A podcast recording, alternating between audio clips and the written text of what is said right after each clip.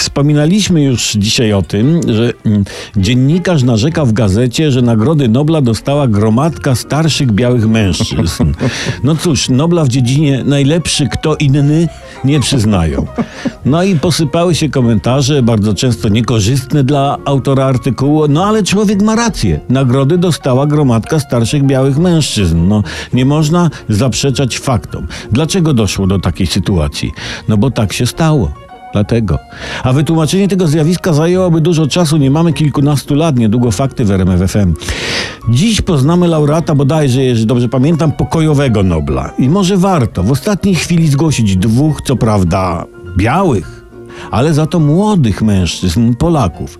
Pamiętacie ten filmik, na którym nasi w Niemczech sklepali maskę śniadoskóremu księciu, bo tak się ten człowiek zachowywał, obszaru afro-bliskowschodniego, który blokował naszym drogę i klepał im maskę samochodu. Otóż to wideo zostało wideem miesiąca w Rosji, tak słyszałem. I no, jak wiadomo, Rosjanie, Rosjanie cenią siłę i przemoc i dzięki tym dwóm kolesiom zaskarbiliśmy sobie ich Rosjan sympatię, a tym samym ci dwaj nasi rodacy najprawdopodobniej zapobiegli agresji Rosji na Polskę. No, co będziemy atakować fajnych i silnych ludzi, pomyśleli sobie Rosjanie. I jak pomyśleli, tak uczynili nie zaatakowali Polski.